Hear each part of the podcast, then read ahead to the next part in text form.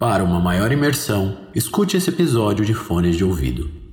Bem-vindos ao podcast Pesadelos. Antes de começar o episódio, não se esqueça de nos seguir no Instagram, pesadelos.cast, no Twitter, pesadeloscast e curtir a nossa página no Facebook. Caso queira contribuir para o crescimento do podcast, acesse apoia.c pesadelos. Aproveite o episódio e tenha bons pesadelos.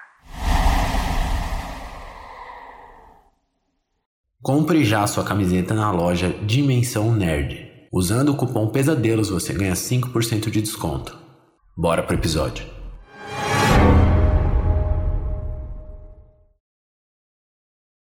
Amanhã, por William Camargo.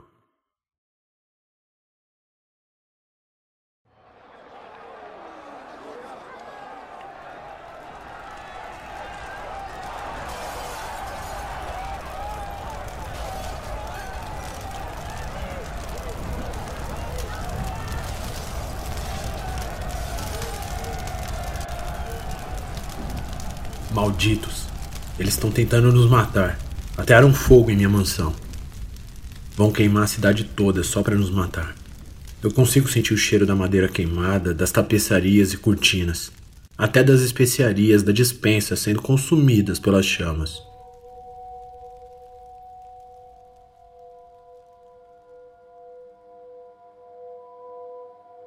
Mas há algo ainda mais triste temperando essa mistura de cheiros é o cheiro da carne, a carne de minhas crias.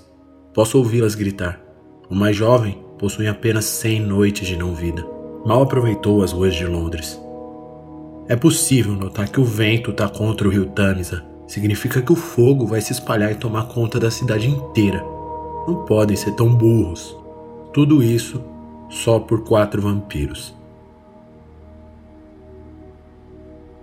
Nunca matamos nossas presas, apenas nos alimentamos de bêbados e mulheres da vida, que, mesmo que não tivessem sido pegos, não se lembrariam da noite passada.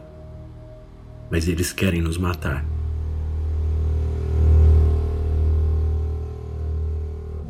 Se fosse noite, eu mataria todos eles. Sairia daqui e esmagaria a cabeça de um por um. Mas na luz do dia fica difícil empurrar o sangue para as pernas e braços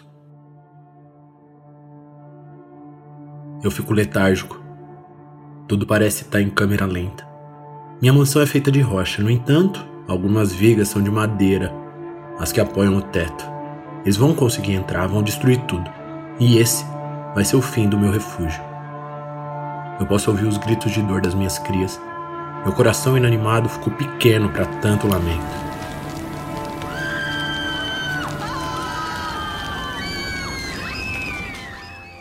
E é com um adeus silencioso que eu me despeço das minhas doces crianças.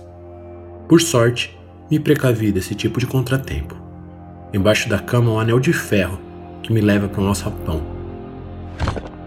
E lá, tudo é rocha sólida e pesada, escuridão e silêncio, onde eu repousarei. Mais tarde, quando a lua prateada tingir as ruas, eu me levantarei e andarei entre os vivos, para enfim cobrar o preço que me devem Mataram minhas crianças. Tomarei as crianças deles, uma a uma, mas com apenas uma diferença. Eles não terão onde se esconder.